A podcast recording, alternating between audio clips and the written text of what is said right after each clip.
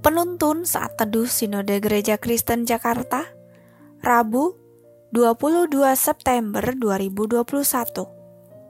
Judul renungan: Kompetisi sebagai penggerak. Nats Alkitab terambil di dalam kitab Filipi pasal 1 ayat 15 sampai 18. Ada orang yang memberitakan Kristus karena dengki dan perselisihan tetapi ada pula yang memberitakannya dengan maksud baik. Mereka ini memberitakan Kristus karena kasih, sebab mereka tahu bahwa aku ada di sini untuk membela Injil. Tetapi yang lain karena kepentingan sendiri dan dengan maksud yang tidak ikhlas.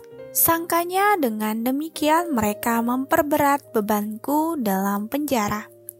Tetapi tidak mengapa, sebab bagaimanapun juga Kristus diberitakan, baik dengan maksud palsu maupun dengan jujur.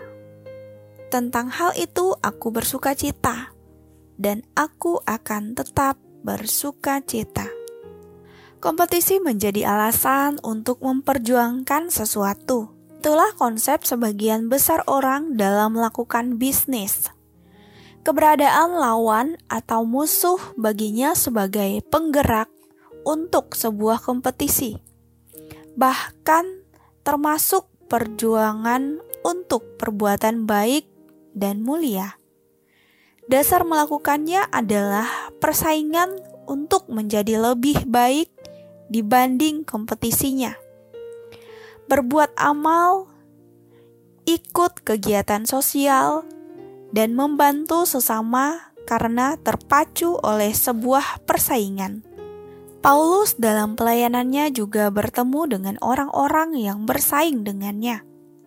Kelompok ini menganggap bahwa ketika pelayanan mereka lebih baik dibandingkan dengan Paulus, hal itu akan memperberat beban Paulus dalam penjara. Ayat 17. Mereka berpikir bahwa kesuksesan pelayanan di luar penjara akan membuat Paulus menjadi kesal dan merasa kalah dalam kompetisi ini. Mereka melupakan esensi dasar dalam memberitakan Injil karena terpacu oleh semangat berkompetisi.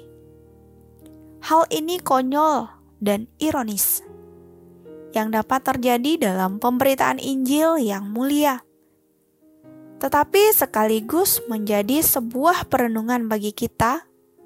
Ada kemungkinan kita melakukan pekerjaan Tuhan didasarkan semangat berkompetisi.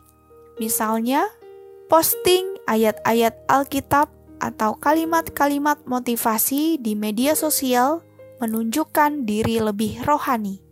Ikut mission trip sampai ke pedalaman dan menampilkan foto di media sosial tentang kondisi yang sulit. Bukan karena sebuah empati kepada sesama, tetapi untuk menunjukkan kebaikan diri. Ada keinginan untuk dipuji lebih rohani dibandingkan teman-temannya. Tidak aneh juga kalau ada sebagian orang yang berhenti mengerjakan pekerjaan Tuhan ketika dorongan-dorongan ngawur ini sudah tiada. Saingannya sudah tidak ada. Hilang juga semangat dalam memberitakan Injilnya. Sebenarnya, apa spirit di balik semua ini?